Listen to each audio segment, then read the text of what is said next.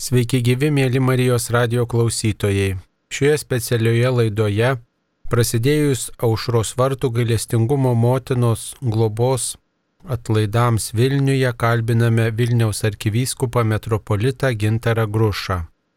Mielas ganytojau, kasmet lapkričio mėnesį švenčiame švenčiausiosios mergelės Marijos gailestingumo motinos atlaidus. Kuo šiais metais šie atlaidai yra išskirtiniai? Taip, kaip ir mūsų gyvenimas šiuo metu išskirtinis yra, kad atlaidai vyks pandemijos fone.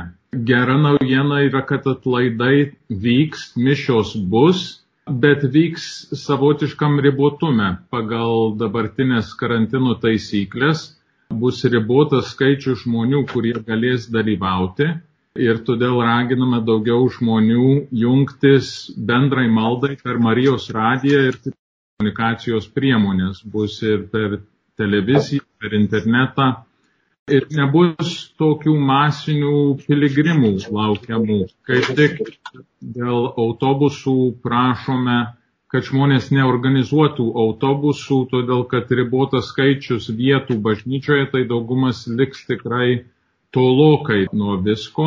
Chorų irgi nebus pagal dabartinės nuorodas Ir taip pat prašysime, kad žmonės apsiribotų vienom mišiom į dieną per atlaidus, jei dalyvaus, kad užleisti vietą kitiems. Kai kurie mūsų piligrimai ten kelias mišes net per dieną išklauso, tai šiais metais prašysim, kad tik po vieną.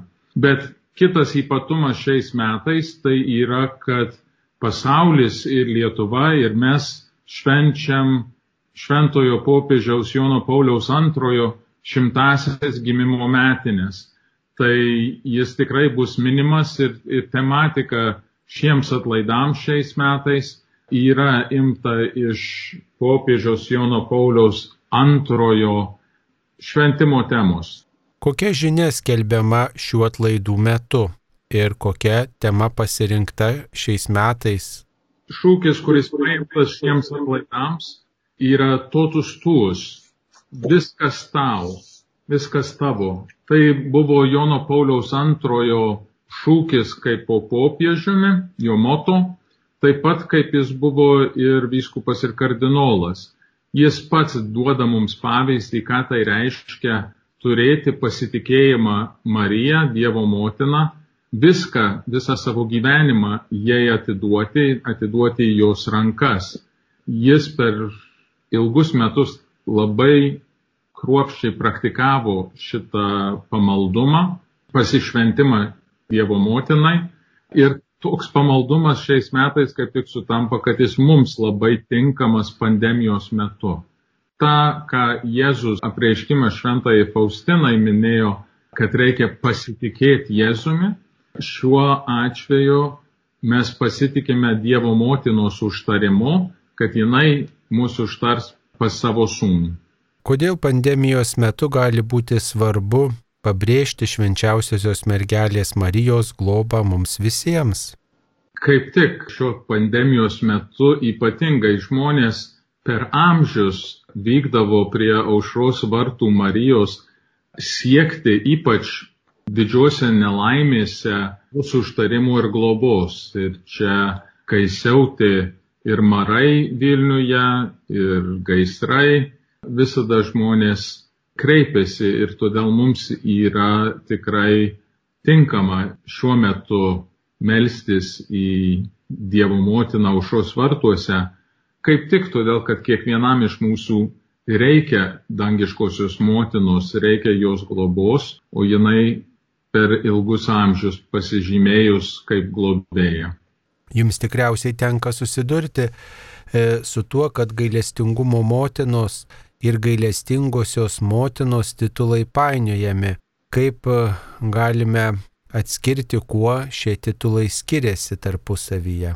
Taip, tai dažnai žmonės sumaišo, jinai yra gailestinga, tai gailestingosios motinos kalba apie Mariją, o gailestingumo motina nukreipia dėmesį į patį gailestingumą, kurios motina jinai yra, tai yra į Jėzų. Ir čia jos titulas aušos vartuose yra gailestingumo motina. Ir vėl, jei mes pažiūrim į dažniausią ikonografiją, tai visada Marija kaip nors rodo į Jėzų, Jėzus kartu. Žinoma, aušros vartų Marija tai tas momentas yra jos sutikimas. Tai jau Jėzus įsikūnija su tais žodžiais jos iščiose, tai jis yra, bet jo mes nematom pačioje ikonoje. Bet jį vis vien savo buvimu rodo į Jėzų, kuris yra tas gailestingumas. Gailestingumo motinos titulas prieš keliarius metus net ir visuotinėje bažnyčioje įtrauktas į švenčiausiosios mergelės Marijos Loreto litaniją. Ką reiškia toks dėmesys būtent šiam kreipiniui? Tai iš tikrųjų vėl nukreipia nuo Marijos tik tai į Jėzų, kuris yra Dievo gailestingumas ir jo svarba. Čia iš vienos pusės yra nieko naujo, nes Dievo gailestingumas yra minimas ir matomas per visą apreiškimą nuo pat pradžių. Visas Senas testamentas byloja apie Dievo gailestingumą.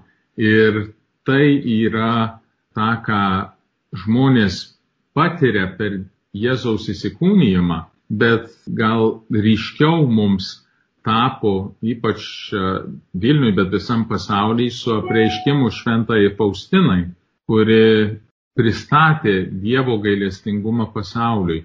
Ir tas vėl iškeltas mūsų laikais labai ryškiai, kai popiežius Pranciškus paskelbė gailestingumo metus. Tai yra ne tik titulas, bet jo mokymas apie svarbą aktyvaus gailestingumo, gailestingumo darbų įvairiuose srityse ir jo daugelis mokymų kreipia ir primena bažnyčiai apie svarbą gyventi gailestingumu. Tai bažnyčios noras įdėti gailestingumo motinos titulą į litaniją ir pabrėžti tą gailestingumą primena mums jos ypatingą vaidmenį atvedant įsikūnijus į gailestingumą į šį pasaulį ir jos tolimesnį darbą, užtariant tuos, kuriems reikia gailestingumo, ar nuodėmiai, ar kuriems reikia mūsų rankomis gailestingumo darbų. Tai Marijos užtarimo vaidmuo ir jos vaidmuo išganimo istorijoje. Kasmet paminima Marija kaip toji, kuri pasauliui dovanojo gailestingumą. Ar ši tema neišsikvepia kasmet svarstoma visą savaitę, o ir per atlaidus kasdien kartojasi tie patys skaitiniai. Ne, tikrai nesisėmė, nes pati tema yra semiama. Šitą po Jėzaus kryžiumi, kuri dažniausiai Evangelienos yra kažkiek variacijų tuose skaitiniuose galimų, bet dažniausiai mes per atlaidus girdime, kaip Marija ir moterys ir Jonas stovi po Jėzaus kryžiumi. Ir tas atveria visą kryžiaus slėpinio mąstymą. Tai pirmų pirmiausiai pats išganimo veiksmas ant kryžiaus atveria labai gilę dalį mūsų tikėjimo paslapčių. Tas pats jungia su eucharistiniu slėpiniu. Mes žinom, kad Eukaristija yra, kiekviena Eukaristija yra sudabartinimas Kristaus aukos ant kryžiaus. Ir tai yra mūsų išganimo slėpinių mąstymas. Todėl sakyčiau, kad niekada jis neišblėsta, kaip tik Dievas per tą veikia ir mus gilina priimti dovanas ir malonės, kur per tuos slėpinius, per Eucharistiją pavyzdžiui, jis mums teikia tie patys skaitiniai skatina ir į Dievo gailestingumo mąstymą, nes per tą auką Dievo gailestingumas ateina mums, nuodėmių atleidimas, iš to kyla tos aukos. Vėliau Jėzus įgalino savo apaštalus, kad jie tą galę naudotų leidžiant nuodėmės. Tai šitas slėpinys, kurią mes minime kiekvienose mišiuose, yra tikrai vesmė ir viršūnė mūsų tikėjimo, pamatas mūsų tikėjimo. Tai tikrai neišblėsta ir kiek yra kunigų, vyskupų, kur pamokslauja šią temą. Temų tikrai nepristinga, todėl kad tai liečia esmę ir centrą mūsų viso tikėjimo. Lietuvoje per metus nuvilnyja daugiausiai atlaidų skirtų švenčiausiosios mergelės Marijos garbiai. Kokią reikšmę mūsų krikščioniškame kelyje turi tokios pamaldumo tradicijos?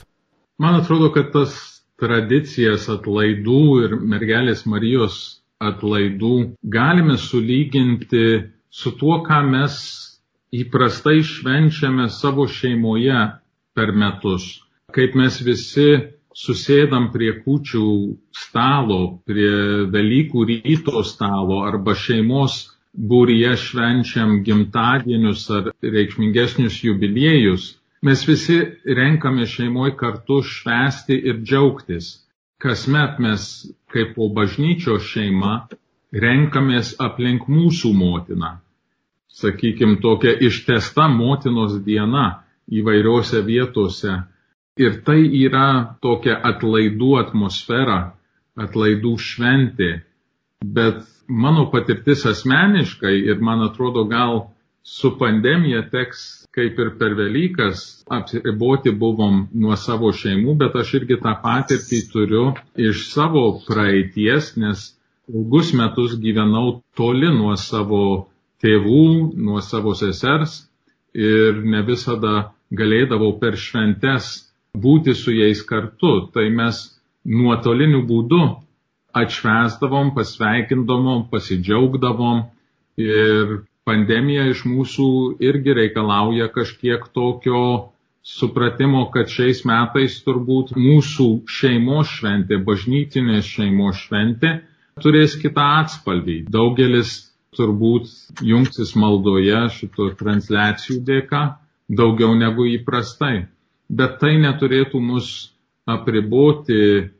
Mes dar galime dėkoti ir prašyti užtarimo Dievo motinos, ne tik savo ir artimiesiems, bet visuose reikaluose ir ypač šiais metais, kai ši pandemija jaučia visam pasaulį, yra daugybė žmonių, kurie ne tik serga, bet labai rimtai serga ir tie mūsų, kurie jau numirė nuo jos tokie didžiai skaičiai visam pasaulyje.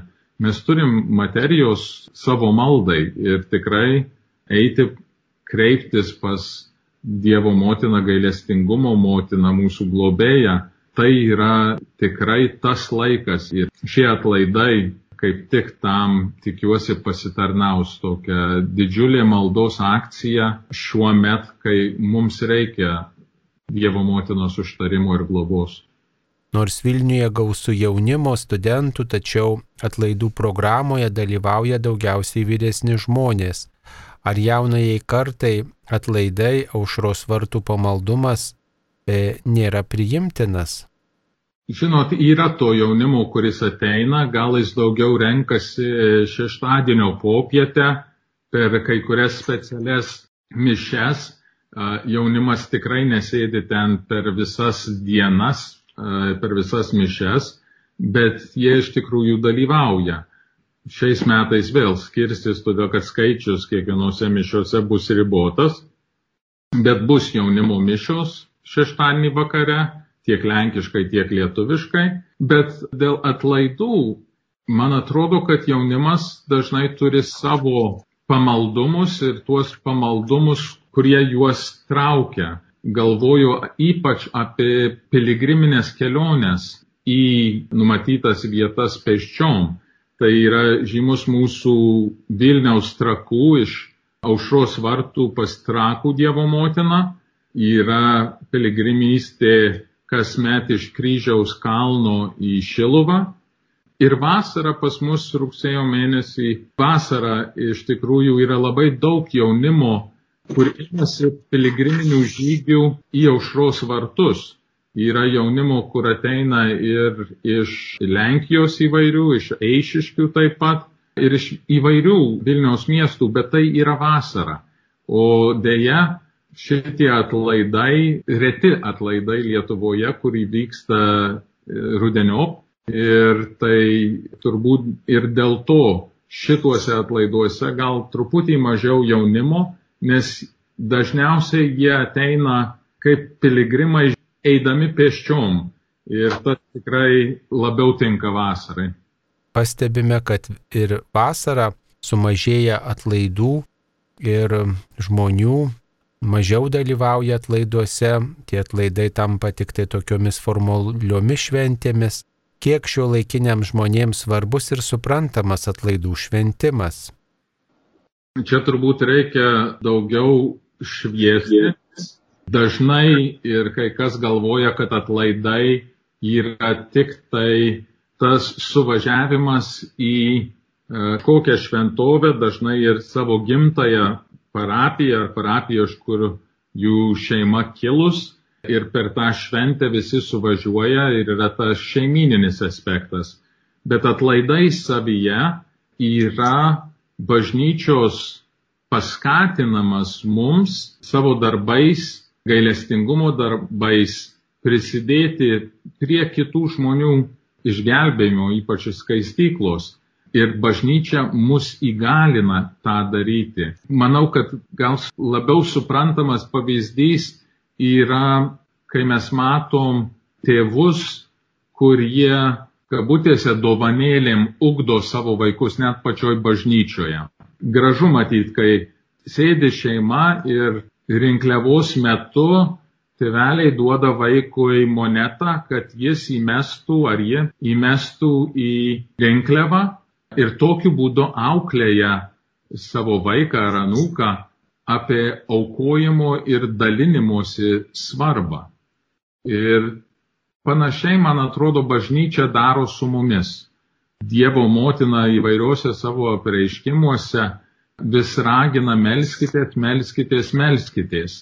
Ir tai yra savotiškas paraginimas tikinčiųjų kasdien skirti ir per šventes ypatingų būdų, bet yra galimybė pelnyti atlaidus ir kasdien.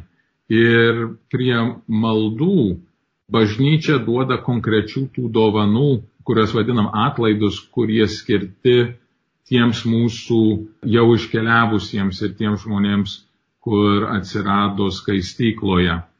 Tai labai svarbus ir ypatingas tikinčiųjų gailestingumo darbas. Ir šiais metais yra ypatingos atlaidų galimybės. Kalbant apie mirusiuosius, reikia prisiminti, kad vėlinių atlaidus popiežius pratėsi dėl pandemijos per visą lapkričio mėnesį ir tie, kurie negali nuvykti į kapines, negali nuvykti į bažnyčią, gali pelnyti ir namuose tuos atlaidus. Gailestingumo vainikėlio atlaidai, kas nors su gailestingumo vainikėliu nueina į bažnyčią prie švenčiausiojo sukalba gailestingumo vainikėlį ir atlieka kitus atlaidams reikalingus veiksmus ar išpažintis komunijos prieimimas ir mal, pasimelstų šventojo tėvo intencijas irgi pelnė tuos atlaidus.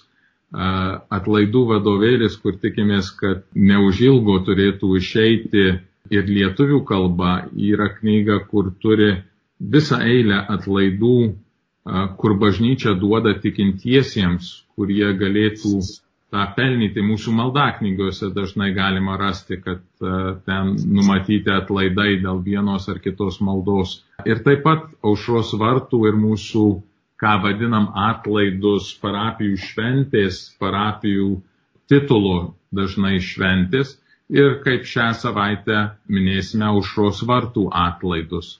Tai yra įvairūs būdai ir šiais metais ypatingai svarbu tiems, kurie negalės atvykti, kurie gali ir per televiziją, per radiją, per internetą stebėti tuos atlaidus, dalyvauti ir arba tokiu būdu ar vienu iš kitų būdų, kuriems prieinama, kad ir namuose, pelnyti atlaidus ir skirti juos už mūsų mirusiuosius. Ar jums, ganytojau, nesusidaro įspūdis, kad e, atlaidų tema tam tikra prasme jau pasenusi ar įsikvėpusi, nes e, žmonės štai lanko artimųjų kapus, uždega žvakutę, pasimeldžia, o kad mirusiems galima pelnyti visuotinius atlaidus, apie tai dažnai nesusimastoma ir tokio poreikio nėra. Manau, kad reikia ir šitą priminti, dažnai mes tą ir darom. Yra tų progų, kur per, per atlaidus žinoma, bet uh, ypač vėlinių oktavą tik užbaigėm. Ir uh, per vėlinių oktavą irgi dažnai kalbėjom ir kalbam apie būtinumą daryti tą gailestingumo darbą. Gal vienas iš paprasčiausių gailestingumo darbų, kur mes galime atlikti, mes galime padėti tom sielom. Ir kaip bažnyčios šventieji dažnai mums savo raštuose primena, skaistykloje, kur yra išlaisvinti, eina į dangų, jie nepaprastai dėkingi ir kaip ir bendrai tarp žmonių skaistykloje, žemėje ir danguje, tie, kurie eina į dangų, mūsų užtaria savo maldą, savo užtarimu. Tai yra toks bendras veiksmas, kur mes tikrai turim laikyti prieš akį. Yra dalis visos bažnyčios veikimo, ką atšvenčiam, žinoma, lapkričio 1 ir 2 ypatingų būdų, bet tai yra kažkas, kur vyksta mūsų maldos gyvenime, mūsų bažnyčios gyvenime kiekvieną dieną ir į ką bažnyčia mus ir kviečia, dalindama, siūlydama šiuos atlaidus. Minėjote apie virtualią galimybę dalyvauti šventose mišiose. Daugelis žmonių net ir galėdami ateiti į šventasias mišes vis dėlto lieka prie radio imtuvų ir televizijos ekranų ir taip dalyvauja šventose mišiose, ar toks dalyvavimas net pratins žmonių nuo gyvo buvimo bažnyčioje, nuo gyvo dalyvavimo atlaiduose ir apskritai liturgijoje. Tai yra lasda su dviem galais. Kas įsipatogins ir net esu girdėjęs su kavos puoduku ant sofos ir stebi mišes, tai vienas dalykas, bet manau, kad jei žmogus turi ryšį gyvą su Jėzumi, tai ta pati taisyklė, ką mes jaučiam šeimoje, turėtų suveikti ir mūsų bažnytiniai šeimoje. Tai yra, mes patys labai jaučiam gilų troškulį gyvam bendravimui. Mūsų santykiuose su šeima, su draugais ir daugam labai sunku yra karantinas, todėl kad jie kažkaip atriboti nuo kitų žmonių. Tai yra tas troškulys ir aš viliuosi, kad tas troškulys Jėzui ir bažnytiniam bendravimui irgi suveiks, kai bus saugu žmonėms vėl susirinkti ir galės, tai tas troškulys ypač eukaristiniam Jėzui, sakramentams ir, ir čia manau, kad gali suveikti panašiai kaip mūsų šeimose. Tas antras lasdos galas yra, kad šiuo metu tos laidos yra irgi didžiulė galimybė dalyvauti kartu, dalyvauti nors ir dėl pandemijos, dėl gal jų pačių izolacijos ar lygų negalint išeiti ar jaučia, kad yra nesaugu išeiti iš namų. Tai kaip ir Marijos radija, taip ir vizualinės transliacijos iš parapijų mišių aukos duoda galimybę tikrai pilniau dalyvauti, neatitolti. Ir tą matėm per pirmą e, e, karantiną, kad žmonės net ir dabar pas mus yra įvairių, ypač vienuolynų, kurie atveria savo duris ar internetiniu, ar telefoniniu bendravimu tokias e, pagalbos linijas ar bendrystės linijas, kad su žmonėm palaikytų tą gyvą ryšį. Ir nuo to gyvo ryšio tiek su kunigais, tiek su vienuoliais, tiek tarp parapiečių labai daug maldos grupių, kai negali sueiti kartu, persimeta į internetinę erdvę ir ten jungiasi maldoje. Truputį tas yra stipriau, sakyčiau, tas internetinis ryšys, bet mūsų gyvasis rožinis tą daro net vienas su kitu nekalbant, bet melžiantis atskirai, bet tam maldos jėga iš tikrųjų būrė, subūrė žmonės ir tai yra kelias irgi į maldos vienybę. Jausdami tą maldos vienybę, žmonės taip ir jaučia potraukį sugrįžti atgal į bažnyčias, kai bus galima tikram veidas į veidą gyvam bendravimui. Ir jei sukursime, jei žmonės pajus per karantiną tą poreikį, tai manau, kad jie sugrįž. Pabaigai dar priminkime apie aušros vartų gailestingumo motinos globos atlaidus, apie tą ypatingą pamaldumą aušros vartuose. Kaip jūs atradote aušros vartų šventovę?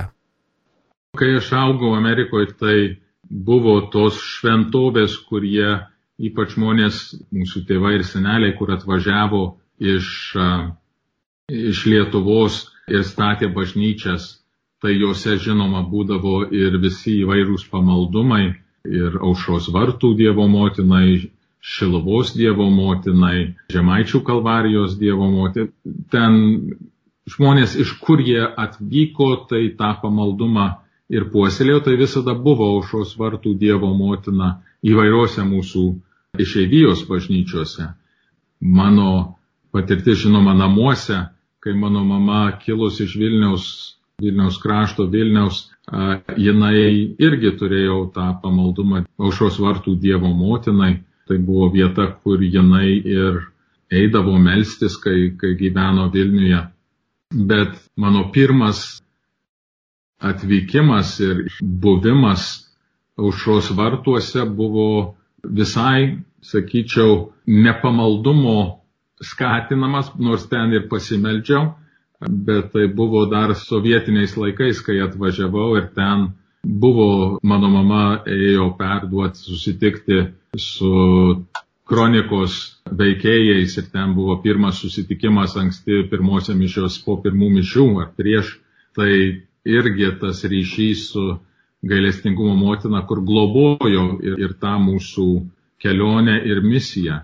Šitą mano diekonato šventimai buvo kaip tik per aušros vartų gailestingumo motinos šventę, tai ir tas asmeniškai mane ypač riša su aušros vartų Dievo motina ypatingų būdų. Bet mes visi ateiname pas ją kaip pas savo motiną, kuri mūsų miesto vartuose globoja ir Vilnių, ir visą Lietuvą. Ten votos, kurios tą koplyčią puošia, yra ne tik įspūdingos, bet liūdija, kiek daugybė stebuklų, kiek daugybė išklausytų maldų ten buvo. Dievas ypatingai rengė savo kelią. Mes tą žinom iš viso Senojo testamento, kaip iki Marijos, iki to momento, kai Marija sutiko Arkangelui Gabrieliui užklausius būti Dievo motina. Taip aš matau ir čia ypatingą Vilniuje veikimą, nes prieš šimtmečius jau ten globojanti Vilnių ir į, į globojanti savo žmonės aušros vartuose Dievo motina gailestingumo motina paruošė kelią ir Jėzaus ateimui kaip po Dievo gailestingumu. Gailestingasis Jėzus į šventąją Faustinai apsireiškiant save kaip po Dievo gailestingumą. Ir tokiu būdu tikrai Dievo motina, gailestingumo motina, aušos vartų Dievo motina yra ypatinga mūsų globėja ir paruošia mums kelią vis gilesniam pažinimui ne tik jos vaidmens, bet ir Jėzaus vaidmens mūsų gyvenime ir mūsų mieste. Mėly Marijos radio klausytojai, šioje laidoje Vilniaus arkivyskupas metropolitas Gintaras Grušas kalbėjo apie gailestingumo motinos atlaidus, apie tai, kaip galime juos patirti ir kodėl juos reikėtų švęsti šiais metais pandemijos laikotarpiu yra išskirtinė proga ir virtualiu būdu dalyvauti e, aušros vartų atlaiduose. Marijos radijas kiekvieną dieną visą savaitę transliuoja šventasias mišes iš aušros vartų prieigos 12 e, ir 19 valandomis, todėl visus kviečiame dalyvauti ir melstis mergelės Marijos globos užtarimo ir palydėjimo šiuo nelengvu laikotarpiu. Vilniaus arkivyskupą Gintarą Grušą kalbinau aš, kuningas Saulis Bužauskas. Ačiū sudie.